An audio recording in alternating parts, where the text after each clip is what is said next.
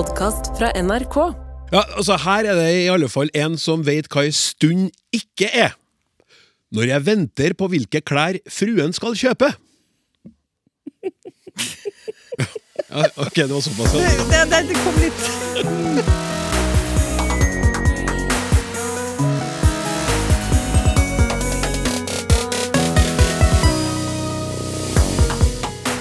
Vi sier ikke lenger sysselmann, fylkesmann og rådmann. Er det kanskje på tide å finne et kjønnsnøytralt ord for nordmann? Hvis f.eks. internettet er tregt, hvorfor sier vi at det henger? Har betydningen av simpelt forandra seg fra dårlig til enkelt? Og hvor lenge er egentlig ei stund? Hjertelig velkommen skal du være, kjære lytter. Du er viktig for oss. Altså, vi er veldig godt fornøyd med navnet på dette programmet, men det kunne like gjerne hett Spør om språk. Uten dine spørsmål ville det blitt lite språksnakk på oss her i studio. Du har to måter å nå oss på, enten via e-post til adressen snakk.krøllalfa.nrk.no, eller ved å ta opp mobilen. Muligens har du den allerede i hånda. Tast inn et spørsmål og send det som en SMS til 1987 med kodeord 'snakk'. Og hvis du nå tenker jeg vet ikke helt, jeg, Klaus, jeg kommer liksom ikke på noe som kan passe for et panel med språkforsk, så bare slapp av. Intet spørsmål for lite, intet for stort. Dessuten så kommer jeg til å gi deg en konkret oppgave i løpet av sendinga. Når da, undrer du? Om ei stund. Her og nå er det på tide å introdusere ekspertene, et knippe mennesker som har valgt å vie sitt yrkesliv til det norske språket. De er såpass langt fra hverandre i alder og erfaring at skulle det blitt skrevet et eventyr om dem, ville tittelen De tre språkforskerne Bruse passa perfekt. Den minste Bruse, Heming Strømholt Bremnes fra Institutt for elektroniske systemer, NTNU. Den mellomste, Klara Sjo. Hun holdt til ved Institutt for lingvistiske, litterære og estetiske studier, Universitetet i Bergen. Og den største språkforskeren Bruse, selveste Ellen Andenes, Institutt for språk og litteratur, NTNU. Velkommen, alle tre! Takk. Og så lurer dere sikkert på, dere i studio og eh, lytteren, hvem, hvem er da trollet? Trollet? Engelsk påvirkning på norsk, så klart. Now I'm coming to take you! Eller kanskje ChatGPT. Mm. Uansett, vi må komme i gang, og vi starter med noe simpelt. Hei, Språksnakk! Jeg koser meg med å lytte gjennom Språksnakk-podkast. Det er så mye interessant. Jeg er passert 50 år, og er vel da så gammel at språkutvikling kan verte provoserende. I det daglige er jeg sammen med barneskolebarn, så jeg hører mye rart. Det er mye engelsk som glir inn i norsk tale, og det meste adopterer jeg glatt. I mitt eget dagligspråk er det også en god miks mellom nye engelske ord og uttrykk. Men jeg stritter imot når simpelt blir oppfatta som et synonym for enkelt. Er det bare fordi jeg er så gammel at jeg vet at simpelt er et synonym for dårlig? Lærerkollegaer som er halvparten så gamle som meg, har kanskje aldri lært ordet simpelt. Er dette ei tapt sak? Helsing Ann Helen Våren Hareid. Klara, er dette ei tapt sak? Jeg vet ikke helt om han er tapt, men jeg har jo innsett at eh, vi er da omtrent like gamle må være, for jeg er heller ikke noe glad i det her eh, simpelt i betydningen vanlig og enkelt. Men jeg ser at det kommer. Jeg har spurt litt rundt blant venner og bekjente. Jeg snakket med noen studenter i går, og de liksom så dumt på meg. De sier ja, simpelt. Jeg har funnet setningen er bare en simpel mann fra landet. Jeg, jeg, I meg grøsser det når jeg hører den setningen. Jeg vet ikke hva dere sier. Dere andre bukkene Bruse her. Jeg fikk tilbud fra en ung ekspeditør om en simpel løsning, og jeg ble meget forskrekket. Ja.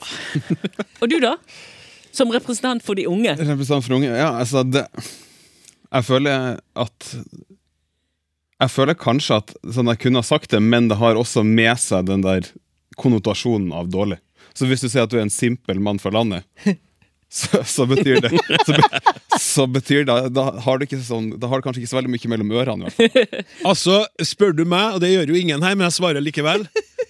Så ett sted må grensa gå, og det går ved simpelt. Nå må vi snart stoppe det her, den her galskapen. This madness is taking completely over the system of Norwegian, altså. Men Fram til 1917 så var simpelt det vanlige ord for enkel og vanlig på norsk. Nei! Jo da. Jo da. Nei. Jeg sjekket det. 1917, da forandrer Da går de, krysser de hverandre, da blir enkelt vanligere.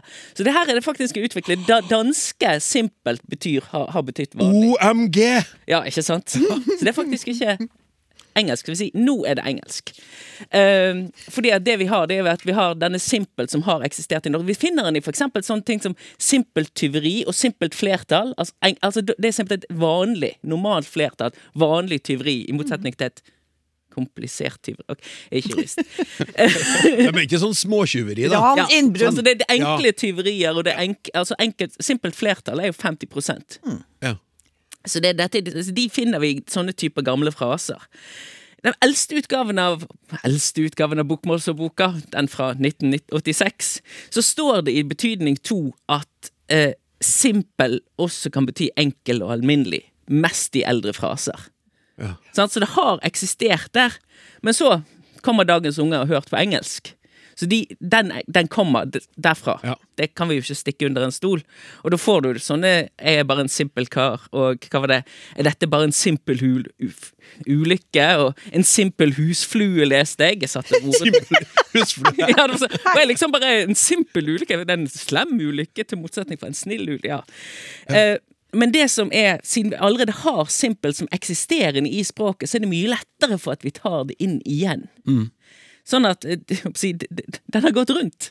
Ja, Vi har rundet enkel, og så er vi tilbake igjen til simpel. den har runda. Så for, for oss gamle, vi kan gå bakover i tiden, og så får ungdommen gå fremover i tiden, og så får vi ende på det samme. Ja, Eller noe sånt. Det syns jeg var fint sagt. veldig bra. Ja, bra. Da, da, da Med det her simple svaret, så, så går vi videre. Hei!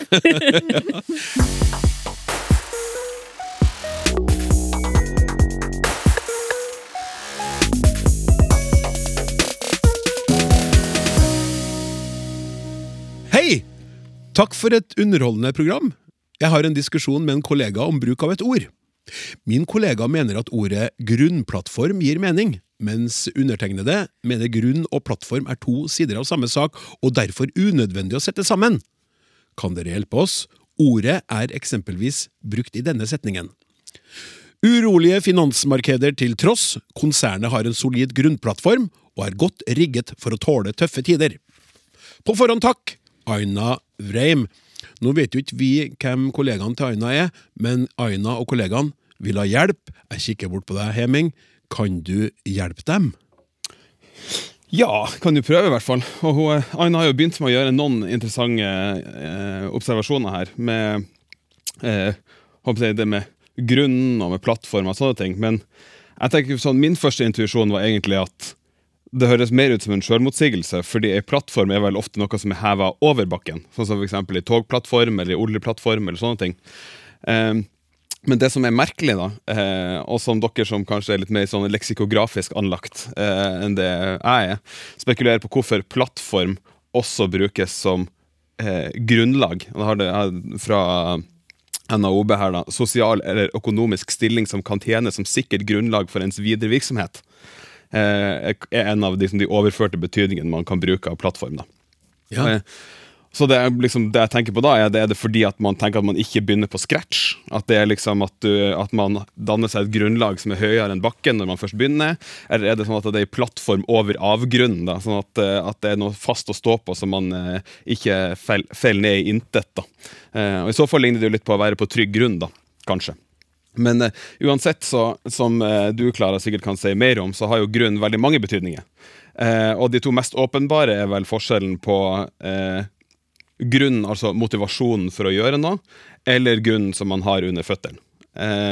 Men eh, bokmålsordboka har sju ulike betydninger, i hvert fall. Og alle de her kan sikkert potensielt brukes som forledd i sammensetninger. Så det får vi kanskje diskutere litt videre. Men de vanligste sammensetningene med grunn er jo ofte sånne type eh, ord som, som f.eks. grunnavgift eller grunnkurs eller grunnlov osv. Grunnrenteskatt. For eksempel. Eh, og, mange, og det mange av dem har eh, til felles, er at det er liksom Det er liksom det mest fundamentale av de, liksom, de avgiftene. Så grunnavgiften er det mest fundamentale avgifta. Men, men det impliserer også at det finnes flere. Sånn at det er liksom ikke ferdig med å betale avgiften når du har betalt grunnavgifta. Og du kan godt ta flere kurs etter grunnkurs, eh, og det er også flere mer spesialiserte lover etter Grunnloven. Så, at, så sånn som jeg eventuelt da ville tol tolke det her ordet eh, grunnplattform, så er det sånn at eh, konsernet har en solid grunnplattform, impliserer at konsernet har flere plattformer. Og at det er liksom kjernevirksomheter som er solide, og at de derfor har et godt grunnlag for å utforske andre inntektskilder og mer innovative og risikable investeringer. Eh, Men om det er god kommunikasjon eller ikke, gitt at det åpenbart er litt sånn uenighet om hva ordet betyr, det skal ikke jeg svare på. Altså, det, det, var bra levert. Eh, Ja, som du sier, vi vet ikke helt om de er Men eh, det var, det var bra. Det var bra. Det, du ga et veldig godt grunnlag for videre diskusjon eh, mellom Aina og kollegaene, i alle fall.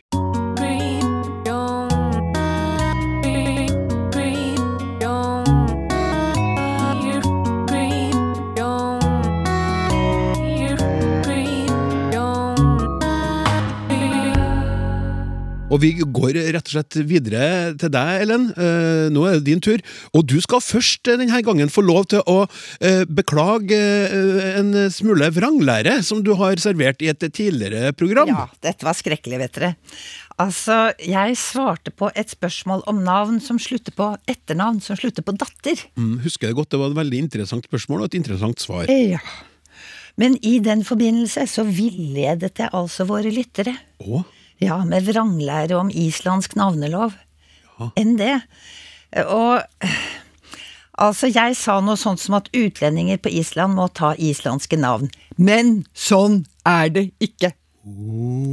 Jeg hadde ikke vært nøye nok med å dobbeltsjekke kildene mine, så unnskyld til alle lyttere, og takk til Ivar Utne som gjorde meg oppmerksom på denne feilen. Det som derimot er riktig, må jeg få lov til å si, det er at utlendinger som gifter seg med islendinger, og som bosetter seg på Island, to betingelser altså, de kan, men de må ikke ta ektefellens parentonym, altså foreldres etternavn, enten sånn som det er, eller bygdom, til å passe med utlendingens eget kjønn. Og det betyr at både menn og kvinner fra utlandet kan få endingene sånn eller dotter. Ah. Ja, Men så fint at du rydder opp. Ja. Sånn skal man gjøre. sånn skal man gjøre. Ja. Men nå, nå har du gjort det. Eh, All ære til deg. Nå går vi over på spørsmålet du skal få bryne deg på akkurat nå. Vi bruker ofte uttrykket om at ting henger. Særlig i forbindelse med data, telefon, TV, prosjekter, avklaringer osv. Når ting går tregt, henger det. Eller så sier vi vi lar den henge litt og kommer tilbake til saken senere. Hvorfor henger? Er henger et synonym til tregt, eller har det noe med at hvis noe henger, så henger de sannsynligvis i ro? Som i en galge? Takk for flott program, Lasse Rindal. Ellen? Ja, altså, må jo starte med å sitere DumDum Boys, da. Eh, Vi henger alle i en tynn, tynn tråd. Ikke sant? Takk for veldig morsomt spørsmål, da. Henge er jo et flott ord som brukes i en drøss uttrykk og betydninger, og jeg skal ikke nevne alle, Klaus, ikke se bekymret ut. Men, så nå må vi håpe at lytterne henger med. Eh, altså, vi har for eksempel henge fast, henge etter, henge i, henge på. Vi kan henge ut noen, ting kan henge i lufta. Vi kan henge oss oppi, henge med leppa, eller med nebbet, eller med hodet. Noe kan henge og slenge. Man kan stå og henge, eller man kan henge over bøkene. Man kan henge bjelle på katten, man, man kan ha noe å henge fingrene i. Ja, altså, og så videre, og så videre, og så videre. Sjekk yndlingskilden, Det Norske Akademis ordbok. Der står mer. Men altså, Lasse lurer på om henger er et synonym til tregt. Og det er veldig lett å forstå ut fra eksemplene med at f.eks. PC-en henger. Eh, Men det kan jo ikke stemme helt generelt, ettersom vi jo også kan henge i. Eh, Og når PC-en min henger, så tenker jeg meg at det betyr at den har hengt seg opp i noe. Eller at den henger fast i noe. Altså den står bare og durer og går og kommer liksom ikke ut. Fæl eh, opplevelse. Ja, og ikke så veldig uvanlig. Nei.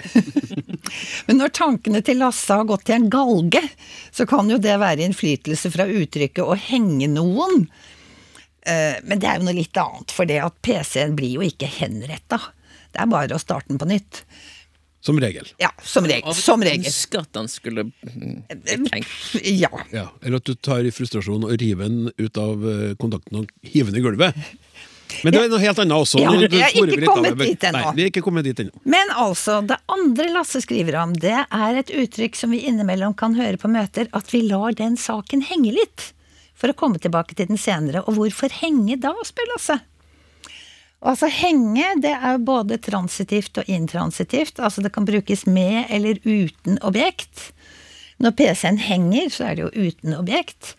Hvis det er transitivt, så har vi altså å henge på som å feste noe på til noe, eller få noe til å henge. Som gjør at jeg kan henge bilder på veggen. Eller henge jakka mi på en knagg. Um, Det intransitive, det er å være festet. Ha et festepunkt øverst, står det i ordboka, med mulighet til å svinge eller dingle. Kjøtt må henge en stund for å bli ordentlig mørt, eksempel. Det henger mye nå i jakttida. Eh, Og hva sa ikke reven om rognebæra? Hei, trenger de og surrer er de. Ja. Så altså, når vi lar en sak henge, så glemmer vi den ikke, og vi rydder den ikke bort. Vi har den der hos oss til vi er klare for den. Og det er forskjell på å la jakka henge over stolryggen og å gå opp på loftet med den, og så pakke den bort. Ikke sant? Jeg er veldig enig. Ja. Og det med den saken, sånn at vi lar den henge, da vet vi at vi ikke skal slippe den, som du sier, og det, vi har den liksom visuelt synlig for oss. Nettopp. Den, den er ikke satt bort. Nei. Lar den ligge en annen. Vi lar ja, den det ligge. blir noe annet. Og ja, da skal vi ikke gjøre noe mer med den. Mens lar vi den henge, så skal vi komme tilbake til den. Ja. Strålende. Jeg tenker Hvis at du tar den eh, Jeg tenker også om at eh, vi kan, Man kan jo også bruke litt samme betydning, at man lar den mørne. Man kan la den saken mørne litt. Det er sant. Det er Og da er jo Det er jo det man gjør med kjøttet Ja, når det henger. N- Det må jo henge for å bli mørt. Nå driver PC-en og mørner seg. Men fra, Men så er det Jeg er fra Nord-Norge, vet du, så det, der tørker det mest når det henger. ja, dessuten mest mer fisk enn kjøtt, kanskje. Men det er jo en ting til med henge. altså Enda en betydning som er, som er kommet til sånn relativt nylig, da, de siste par tiårene, si. Som er nylig for en dame i min alder.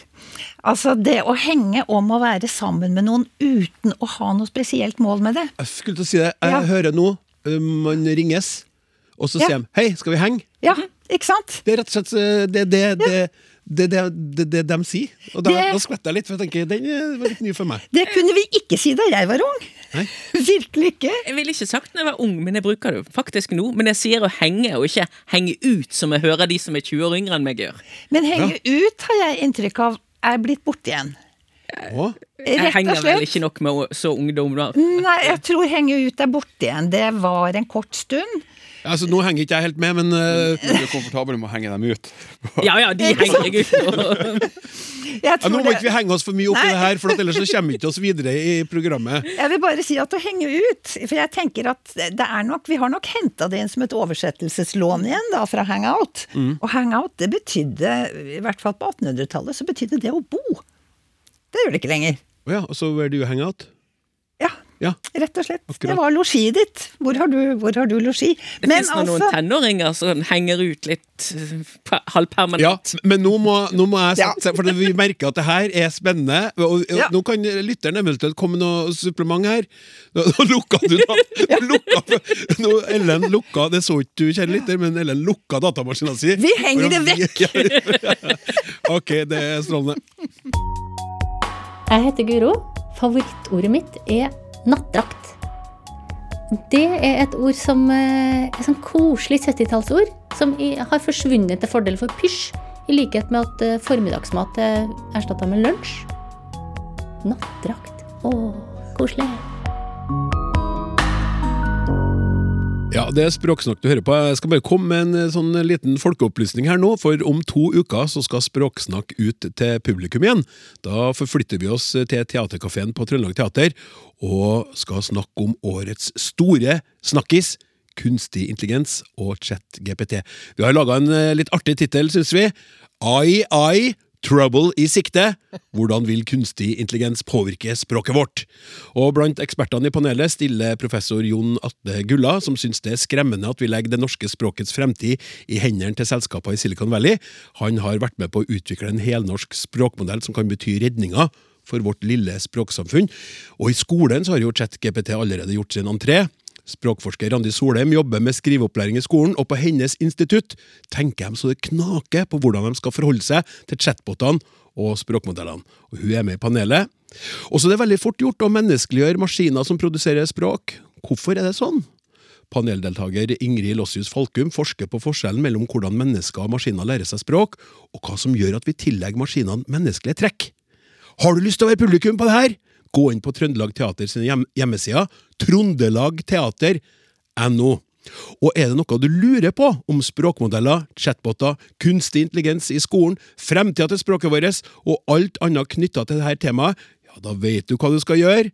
Send spørsmålet ditt til snakk krøllalfa nrk.no, eller send en SMS til 1987 med kodeord SNAKK. Hold fast et sekund, ta en hvil en lita stund. Det viktige her og nå, og så Ja, der smalt vi til med litt Åge, rett og slett. Vi har uh, kunnet valgt eh, mange andre sanger som har ei stund eller stund i seg, men det måtte jo bli sjølveste Åge når vi nå lager språksnakk fra den vakreste byen i hele Klara, en av de vakreste byene i Norge, kan jeg da si, siden du er fra Bergen. Trondheim!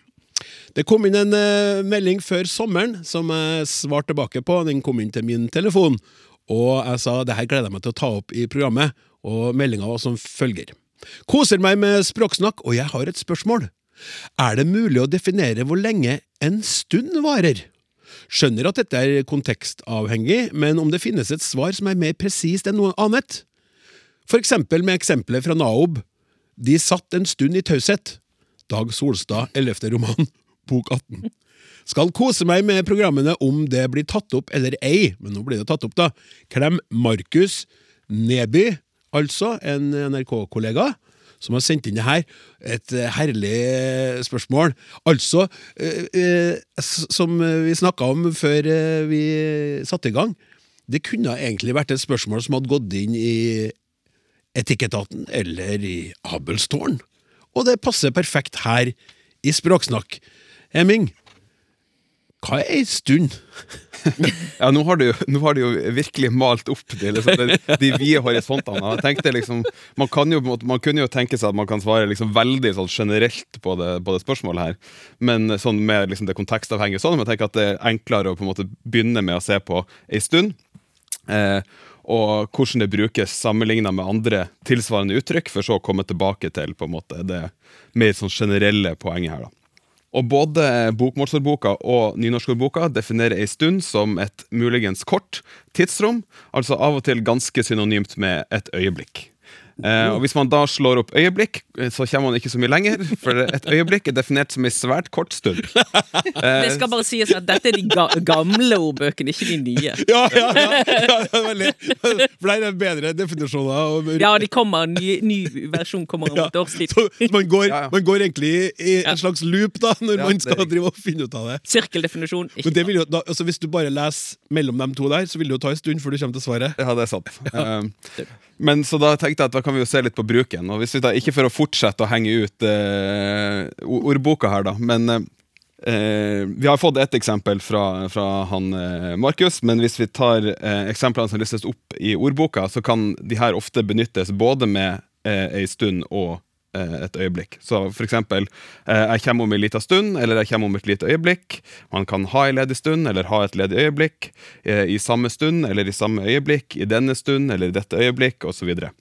Eh, men hvis vi ser på noen eksempler som jeg fant i det her Habit-korpuset fra Tekstlaboratoriet i Oslo Det tok en stund før alle papirene var i orden, men nå er Fladen godt i gang med sin nye virksomhet. Eller la vannet koke en stund, slik at du får kokt ut oksygengassen og andre gasser fra vannet. Da blir det plutselig litt vanskeligere å bytte det ut med øyeblikk. Ja. Eh, Og jeg må bare si det, skyte inn jeg skal ikke stoppe deg i rekka, men jeg steiler på at et øyeblikk skal blandes med ei stund. Bare, jeg, jeg, jeg bare Ja. hiver det inn nå. Og Og det nikkes fra de to kvinnelige språkforskerne her, Ja. men du fortsetter. For at, Ja, for det, men det er, det er helt rett, det, for jeg tenker det tyder jo på at stund har et bredere bruksområde enn det øyeblikk har. Men så kan vi jo si da, fins det ei øvre grense for hvor lang tid ei stund er? Sant? Eh, så vi vil si at det er helt ned til et øyeblikk, men fins det noen øvre grense, da? Eh, og hvis man da ser på f.eks. ei tid eller en periode i samme type konstruksjoner, så er iallfall min intuisjon at det da er snakk om lenger. Så hvis vi tar eksempelet med å få papirene i orden, for eksempel, så det tok ei tid før papirene var i orden, eller det tok en periode før papirene var i orden, eh, så vil det være sånn at sjøl om det kan være snakk om dager også med ei stund, sant? så vil man intuitivt tenke at eh, det tok flere dager med tid, og kanskje enda flere med periode. Sant?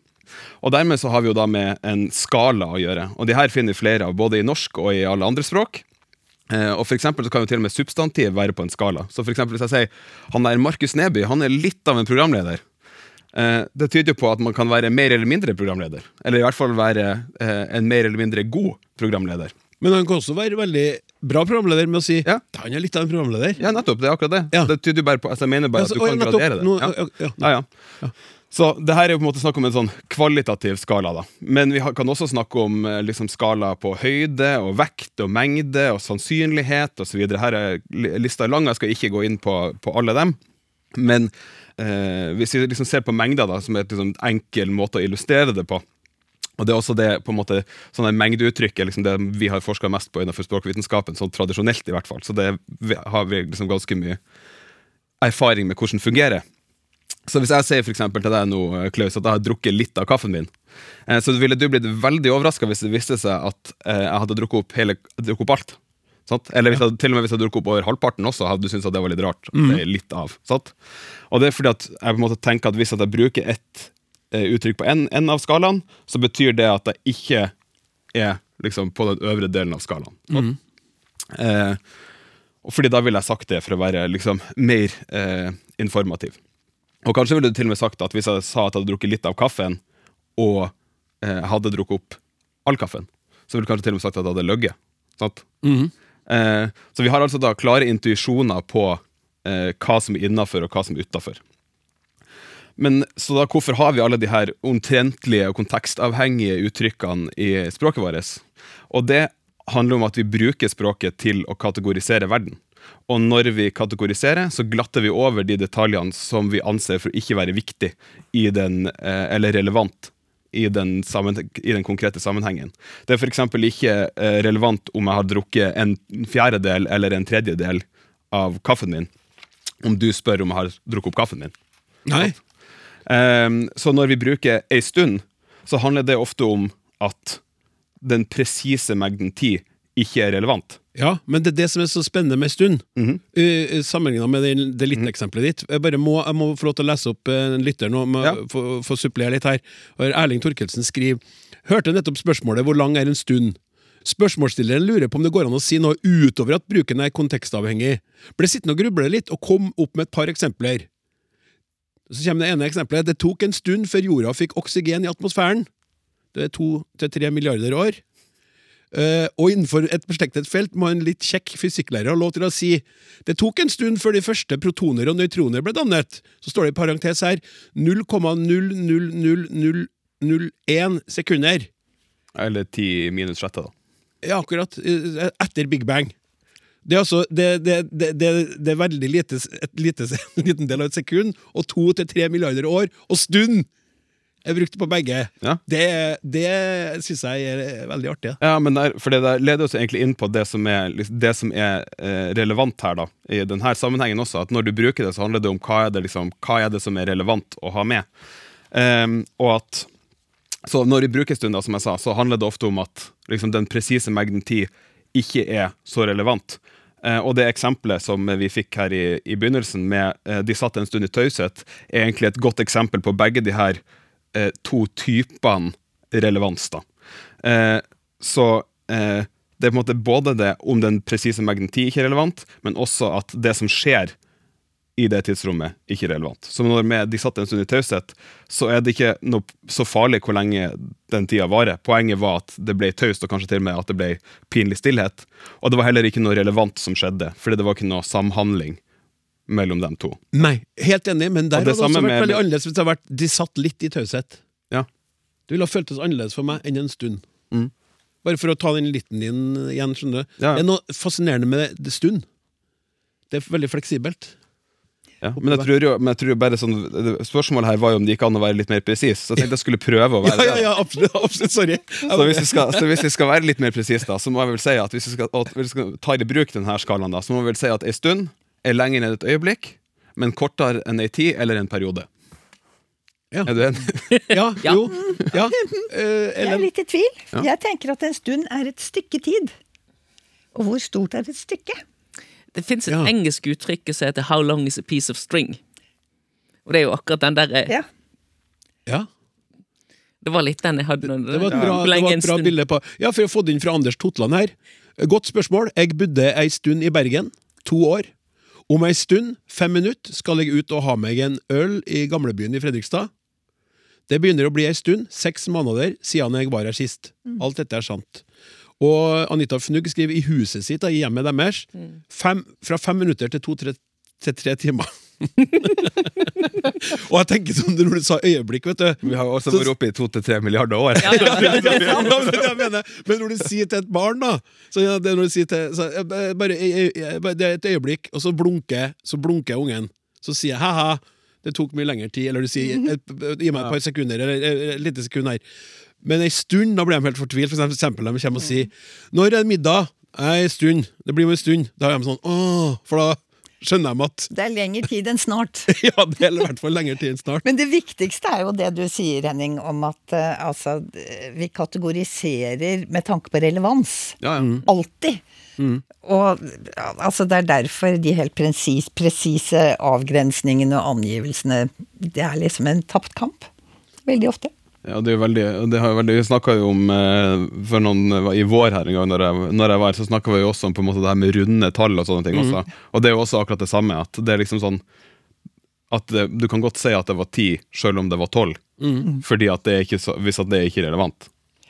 Men, Du kan si minst ti, eller altså hva som helst. For det handler jo på en måte om at det er veldig sånn Hvis du skal alltid driver med liksom nøyaktige utregninger på ting, så blir du veldig sliten. Ja, det men det, men det er fascinerende. Altså, som I et samliv, og nå drar jeg inn alt av erfaring her, da. Du, jeg, stund, jeg må bli en stund til på jobben. Ok, men da, da begynner vi bare å spise, og så får du mat etterpå. Så kommer du halv elleve om kvelden. Ei stund, sa du! Ja, men det, Ja, men, ja, men ja, det var jo en stund. Det ble jo en stund. altså, jeg har venner som har forskjellig stundlengde. Hvis min venninne Hilde sier at hun kommer om en stund, så er det sånn 8-15 minutter. Men jeg har en annen venninne, hun skal jeg ikke nevne navn på, for da er vi oppe i to-tre timer. Ja. Det det er individuelt hva en stund er der. ja. Eh, og her skriver Bjarne Kjeldsen et relativt kort strekk, den aktuelle konteksten tatt i betraktning. På fastlegens venterom, 10-15 minutter. Grubleperiode for et eksistensielt spørsmål. Et halvt liv. Ja. Ja? For eksempel. Ja. Men, tenker, men poenget er jo at sånn, i de her sammenhengene der man på en måte bruker ei stund der, så tenker du at det er sånn, sånn som de her eh, venninnene dine, eller på en måte i de her eh, parforholdene og sånt, så er det jo på en måte sånn Man bruker jo på en måte bevisst det her uttrykket ei stund fordi at at det, liksom, det handler bare om at det er ikke relevant akkurat hvor langt det er. Det som er relevant, er at det går et stykke tid mellom Ja. noe da. Fordi at uh, i litt i kontrakten så er det sånn at for hvis, eh, hvis Klara da spør den her uh, ikke navngitte venninna eh, hvor lenge da? Hvor lenge, sånn, kan du si litt mer presist? Jeg trenger å vite det. Jeg har tross alt laga middag her. Da blir jo den personen sånn øh, sant? Og det er samme den som ringer og sier du, jeg må være en stund til på jobben. Og hvis da samboeren kjæresten, ektefellen, sier ja, når kommer du, da? Øh, sant? For du prøver deg jo med en stund for å slippe, nettopp som du sier, å være konkret på tidspunktet. Det, det er fordi det er så flytende. Ja, det sånn, henger vel litt sånn sammen med de her eh, sånne bruker å stå på sånne her, eh, sånne kaffe, kaffekopper som menn får når de blir 50, og sånn, så står det sånn her eh, When a man says he'll do something, he will. There's no need to remind him every six months. Og sånn. Det er litt samme. Jeg har aldri fått en sånn kopp, men jeg skulle gjerne likt noe annet. for å si det sånn. Eh, nei, men bra. Eh, skal vi si at vi har Holdt på en stund. Holdt på en stund. Jeg, skal bare lese opp litt av en en e-post som jeg syns var litt sånn ja, Ikke litt sånn, den var fin. Eh, her står det Det er fint og viktig å ha sånne udefinerte tidsangivelser. En stund senere, før, snart etterpå. De betyr så mye forskjellig, og jeg tror de aller fleste mennesker forstår hva de betyr ut fra sammenhengen. Jeg har et barnebarn på fire. Når hun snakker om noe som skjedde før, er det noe som skjedde for noen timer eller dager siden, eller kanskje til og med et år. Men når jeg snakker med min 94 år gamle svigermor, kan før referere til tidlig på 30-tallet. Og hvis jeg snakker med en historiker som studerer, som studerer steinalderen, er før noe som skjedde for 14 000 år siden. Med vennlig hilsen Anders Ribu. Vi lar det bli med det. Ja. Ja.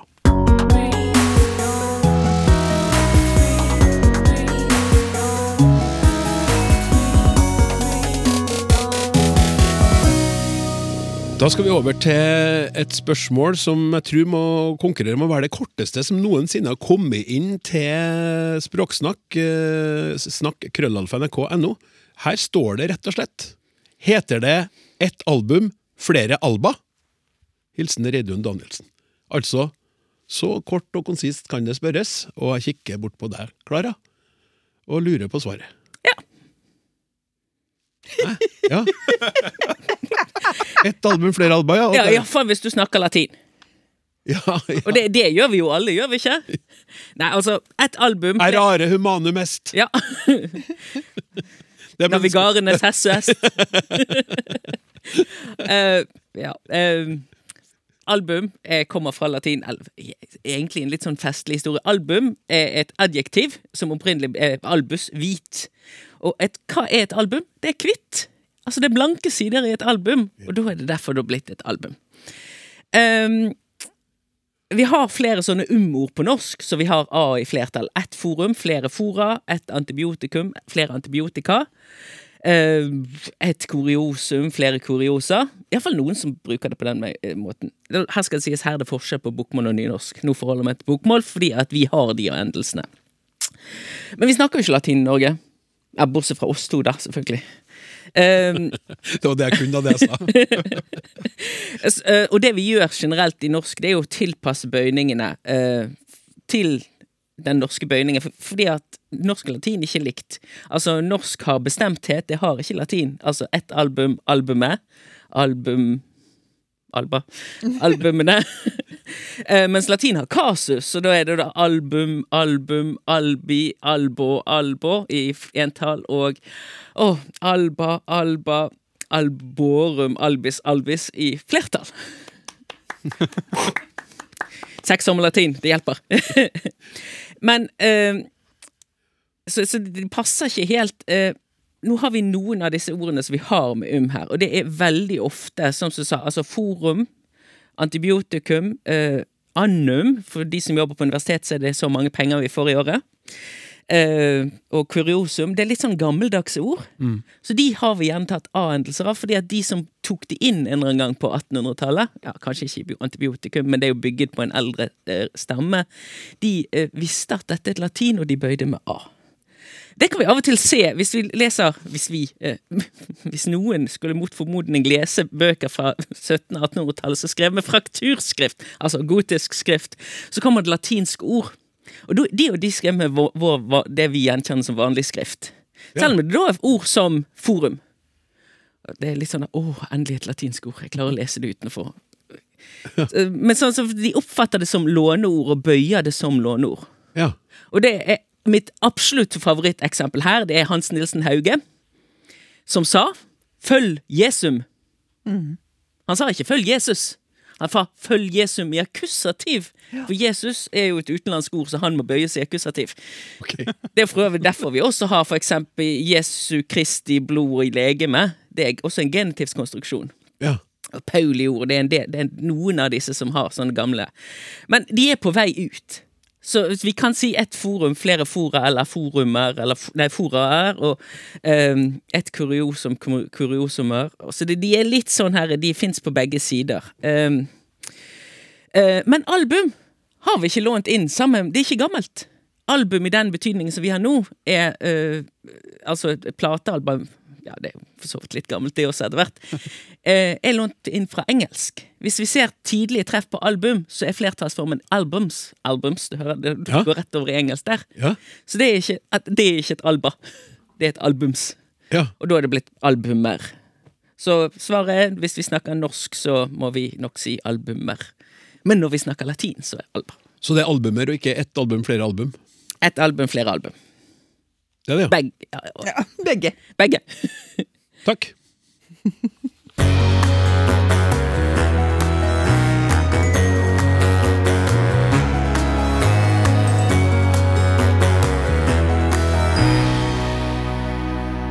Ja, og så hopper vi, som vi jo gjerne gjør i dette programmet. Det er det som er så deilig. Spørsmålene er så forskjellige, og folk lurer på så mangt. Eh, Her kommer det et som eh, rettes til deg, da, eller her retter det til deg, Ellen. Hei!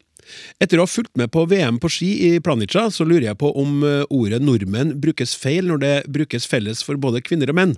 Her er jo et spørsmål som har ligget en liten stund og venta. Eksempel. Lørdag gjorde Jarle Riiber et suverent hopp i kombinert, og programlederne forskutterte nærmest gullet etter langrenn senere på dagen. De sa samtidig at det skulle om kort tid gå 30 km for kvinner. Der ville det også være gullsjanser for nordmenn, sa programlederne. Derfor spør jeg om nordmenn er et kjønnsnøytralt ord. Hvis ja, er dette riktig i 2023? Med vennlig hilsen Sverre Nygaard Jacobsen, Ryfylke. For et godt spørsmål fra Sverre! Ja. Ja, Heia Sverre, altså. Han har jo helt rett i sin undring over dette, og den undringen er heller ikke ny. Må vi si. Men særlig sammenstillingen eh, 30 km kvinner med gullsjanse for nordmenn er jo kostelig. Jeg liker jo den. Eh, Men også mer generelt så kan vi jo, og bør vi jo kanskje også spørre oss om vi virkelig ønsker nå å bruke mann som betegnelse på mennesker av alle kjønn. For det er jo ikke til å komme forbi at eh, dette gir inntrykk av at mannen er normalvarianten av mennesker, og alle vi andre er særtilfeller eller avvik. Og det er jo litt dumt, da.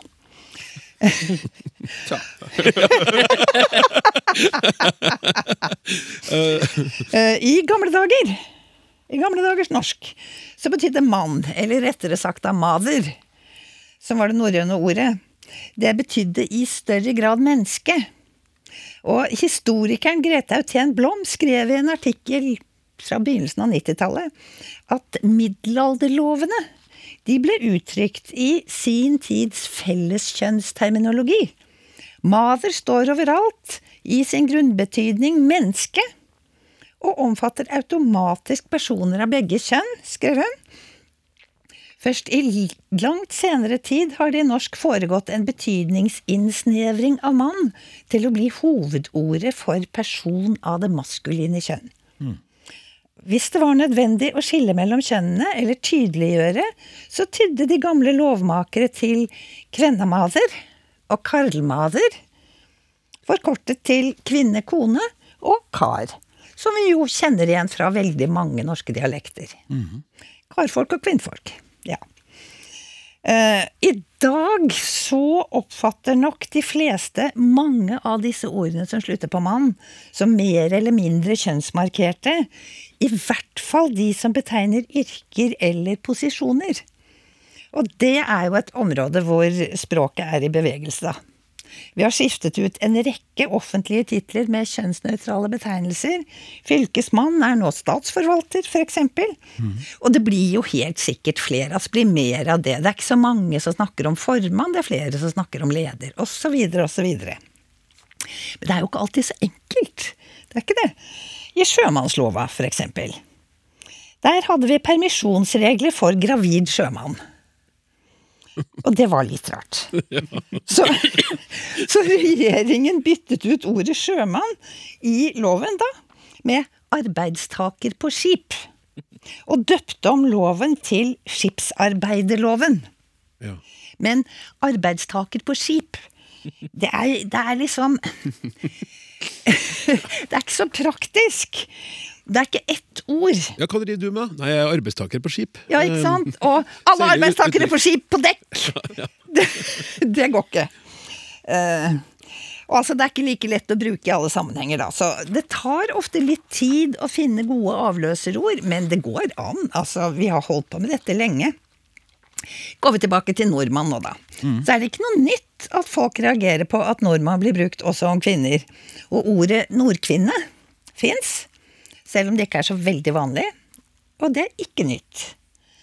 Ingrid Semmingsen hun forteller i bind tre av norsk kulturhistorie at Henrik Wergeland han var så progressiv at han gledet sin søster Camilla med å lage ordet nordkvinne.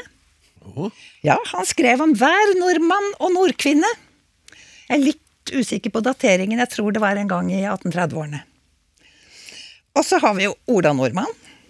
Men vi har også Kari Nordkvinne, som ikke er så uvanlig. Jeg sjekka i Nasjonalbiblioteket, fikk mange treff der, også i tidsskrifter, altså redigerte tekster. Men sa vi ikke eh, som oftest sa vi ikke, eller Ola og Kari Nordmann? Ja, som, et, som om var det et ektepar. Eh, sa og sa. Si og si. Si og si. Si og si. Altså, Kari Nordkvinne gir i hvert fall Nordkvinne gir, det gir mange treff. Eh, Anne-Kat. Vestli, dette visste dere ikke, skrev faktisk om Olea Nordkvinne. Det visste jeg ikke. Nei, i boka om trygder og mennesker, en kollasj fra 1975. Mm. Anne-Kat. Vestli. Yes. Ja. Det der hørtes veldig lite knertenaktig ut.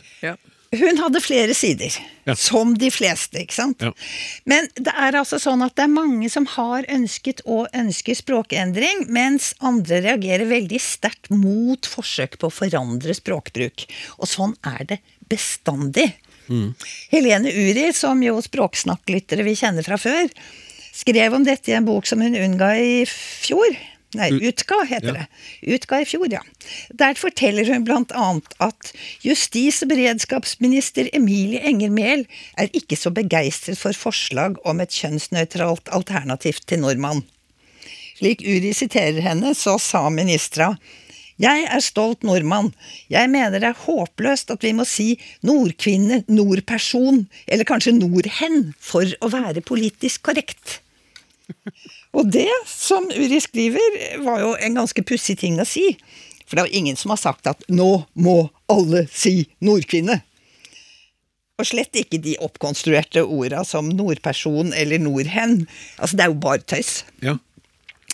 Ikke er det noen som kan forby ordet nordmann, og ikke er det noen som vil det heller.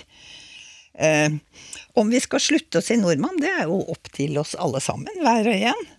Men dette er jo et Jeg tok det med fordi jeg syns det er et veldig morsomt trekk ved de språkdebattene som vi gudskjelov og takk alltid har gående i dette landet. Det er veldig mange som oppfatter et forslag som et påbud, et forsøk på å si at nå kommer politiet, hvis ikke du endrer språkbruken din. Det vil vi jo ikke ha noe av. Så altså, både justisministeren og andre kan ta det med ro. Vi kan fortsatt snakke om både altmuligmann, bestemann og førstemann, eldstemann og minstemann, landsmann og likemann, mellommann og målmann, statsmann og stråmann, osv., osv. Vi har utrolig mange sånne ord. Og det kan vi ha så lenge vi vil, hvis ikke vi finner på noe annet. Har vi en fellesbetegnelse for nordmenn og nordkvinner? Ja, vi har det. Vi har det. Veldig mange norske dialekter har jo ordet én norske. Ja, Norsken og svensken og dansken. ikke sant? Nettopp. Og det finner vi også i litterære kilder. Svenske, sier vi. Ja. Vi Det er jo, finner jeg er norske, sier jo sjelden jeg er nordmann. Ja, men det er, ikke alltid, det er ikke alltid du kan bruke adjektiv. Nei. Så én norske er noe annet. Og vi kan jo løfte opp det, og det fins i både skjønnlitterære og faglitterære tekster fra slutten av 1800-tallet. Så vi kan velge. Ja. Det er vårt språk. Jeg har jo lenge drømt om å kalle meg sjøl Norkyrkje, altså som, som en va- valkyrje. Men da med nord foran istedenfor hval. Hva skal du si det en gang til? Norkyrje. Nordkyrje? Ja, Nordkyrkje på eh. Nordkyrkje. Ja. Nordkarsje? Ja, Ble jeg Nordkarsje, da? Ja, jeg vet ikke om du eh, Du, du, du må nødt til å synge litt Wagner og sånn hjelm. Ja, Ja, men kall deg det, du. ja, jeg jobber med saken. Ingen Ja. kan stoppe deg i det. Nei, men Sverre, norske er, er, et, et godt forslag. Et kjønnsnøytralt ord. Hei, jeg heter Frida. Favorittordet mitt i dag er sløkket. Fordi det er et morsomt ord fra barndommen. Stas når folk skriver inn og har tittel på eh, innlegget sitt. Utenlandske stedsnavn og det norske språk. Jeg har en stund stusset litt over hvordan vi forholder oss til utenlandske stedsnavn i det norske, norske språket. Etter hva jeg har forstått skal man i større grad enn før prøve å holde seg til skrivemåten på de aktuelle stedene. Derfor skriver vi Venezia og ikke Venedig. Göteborg med svensk ø og ikke det norske. På samme måte uttaler vi det Göteborg som på svensk og ikke Göteborg. Ja. Eh, eh, Ja. Eh, Ok, greit. Jeg prøver noe som best jeg kan. Ja, ja. Med tydelige Göteborg, med tydelige som det sikkert ville blitt med korrekt norsk uttale. Men det er på dette med uttale jeg begynner å stusse. Vi skriver Paris, men vi sier ikke Paris. Paris, slik som franskmennene gjør. Forklaringen er nok enkelt og greit at vi sier det vi skriver, men hva, med, hva da med København? Vi sier eh, København, selv om det verken er sånn de sier det i Danmark, eller hvordan vi skriver det. Og så til den jeg stusser mest over av alle. Tenerife. På spansk uttaler man eh, tydelig en på slutten, Tenerife, og denne en er også med i den norske skrivemåten. Hvorfor i all videste verden sier vi da Tenerife? Er det et forsøk på å få det til å høres mer fancy ut, eller er det kanskje noe som henger igjen fra eldre skrivemåter? Hvis det skal være et mål å etterstrebe den lokale uttalen, er jeg også spent på hvordan vi bør forholde oss til den norske utposten på Costa Blanca. Torrevieja. vieja! Torrevieja! Må- man som sørlending legge helt om til rulle-r-er for å få uttale det korrekt? Hva så med harkelydene vi ikke har i norske språket i det hele tatt? Hadde vært artig med noen refleksjoner rundt dette fra panelet i Språksnakk, med vennlig hilsen Henrik Storm eh, Henriksen. Torrevieja Ja, Klara? Det er jo noe vi har hatt oppe før, dette med hvordan vi uttaler utenlandske navn og ord og sånne ting. Eh, Men så må vi huske at ja, jeg må jo reklamere for eh, nei, Språksnakk sin eh, fonetikkskole, der vi kan lære mer om hvordan vi lager disse rare lydene, som jeg er ikke så god til å snakke spansk og torre... Eh, Men altså, tenk på i norsk, der er det veldig mange måter å si R riktig på. Jeg tror vi har Du sa det feil nå. Ja, sant? Skammer meg. Nei da, unnskyld. Det er i alle fall tre forskjellige måter å si den der lyden der riktig på i norsk. Men det betyr ikke at det er riktig utenlandsk, men det betyr også at det er en variasjon i utenlandsk som ikke dekker den variasjonen i norsk. Og det er jo det vi har. Altså, eh, jeg kan også si rr. Det høres litt teit ut. Eh, men det finnes språk der man skiller mellom rr og rr. Ja. Lang og kort, og det er to forskjellige ting. Og da har vi jo eh, Vi skal hoppe til Eller vi skal gå til Tor... Tenerife. Eh, det er flere ting som spiller inn her. Uh, altså vi, Noen ganger så får vi sånn idé om at når ting er utenlandsk, så må vi uttale det på en litt sånn utenlandsk måte. Og eh, de fleste nordmenn, hvis de kan et utenlandsspråk, kan de eng engelsk og muligens fransk, og de dropper den e-en. Så det kan hende denne som har sneket seg inn på Tenerife. Eh, eh, fordi at spansk uttaler e, men det er ikke de van vanlige utenlandske språkene. Så, og da har det etablert seg en sånn slags uttale. Men eh, du hører jo at jeg sier Tenerife med min r. Ja. Eh, Skal jeg legge om til rulleren øh, Tenerife! Tenerife! Ja. Det høres jo bare teit ut. Liksom Hola, Clara, ¿cómo estás? Er Tenerife? Dos cervezas por favor. Altså, hvis jeg sier eh, i helgen skal jeg til Paris, så syns dere bare jeg er snobbete, ikke sant? Ja.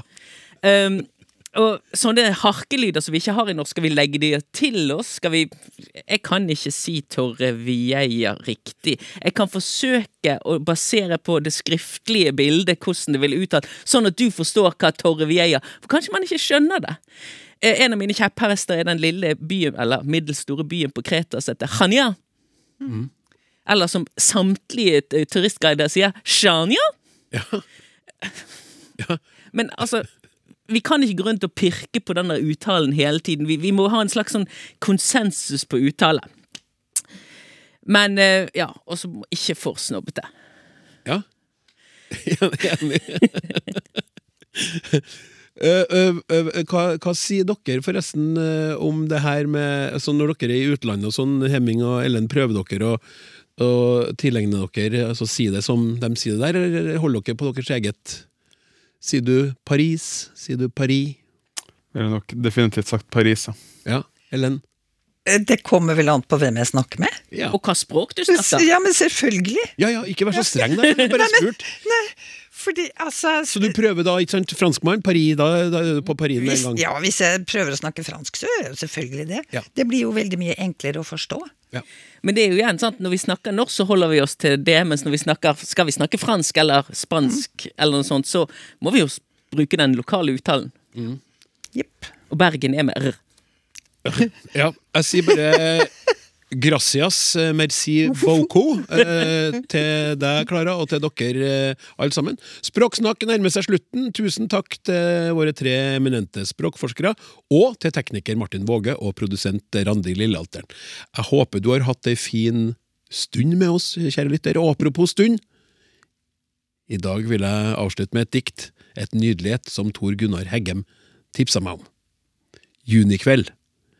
Vi sitter i slørblå junikveld og svaler oss ute på trammen. Og alt vi ser har dobbelt liv, fordi vi sanser det sammen. Se, skogsjøen ligger og skinner rødt av sunkne solefallsriker, og blankt som en ting av gammelt sølv er skriket som lommen skriker. Og heggen ved grinda brenner så stilt av nykvekte blomsterkvaster. Nå skjelver de kvitt i et pust av vind, det er som om noe haster. Å, flytt deg nærmere inn til meg, her på kjøkkentrammen. Den er så svimlende kort, den stund vi mennesker er sammen. Det var Hans Børli. Jeg heter Klaus Sonstad. Vi snakkes.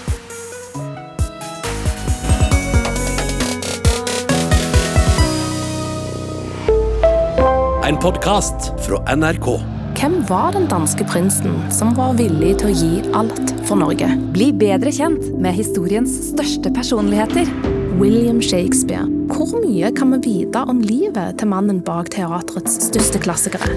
Eva Perón trossa de fattige kårene hun vokste opp i, og ble hele Argentinas Evita. Hør historiske kjendiser i appen NRK Radio.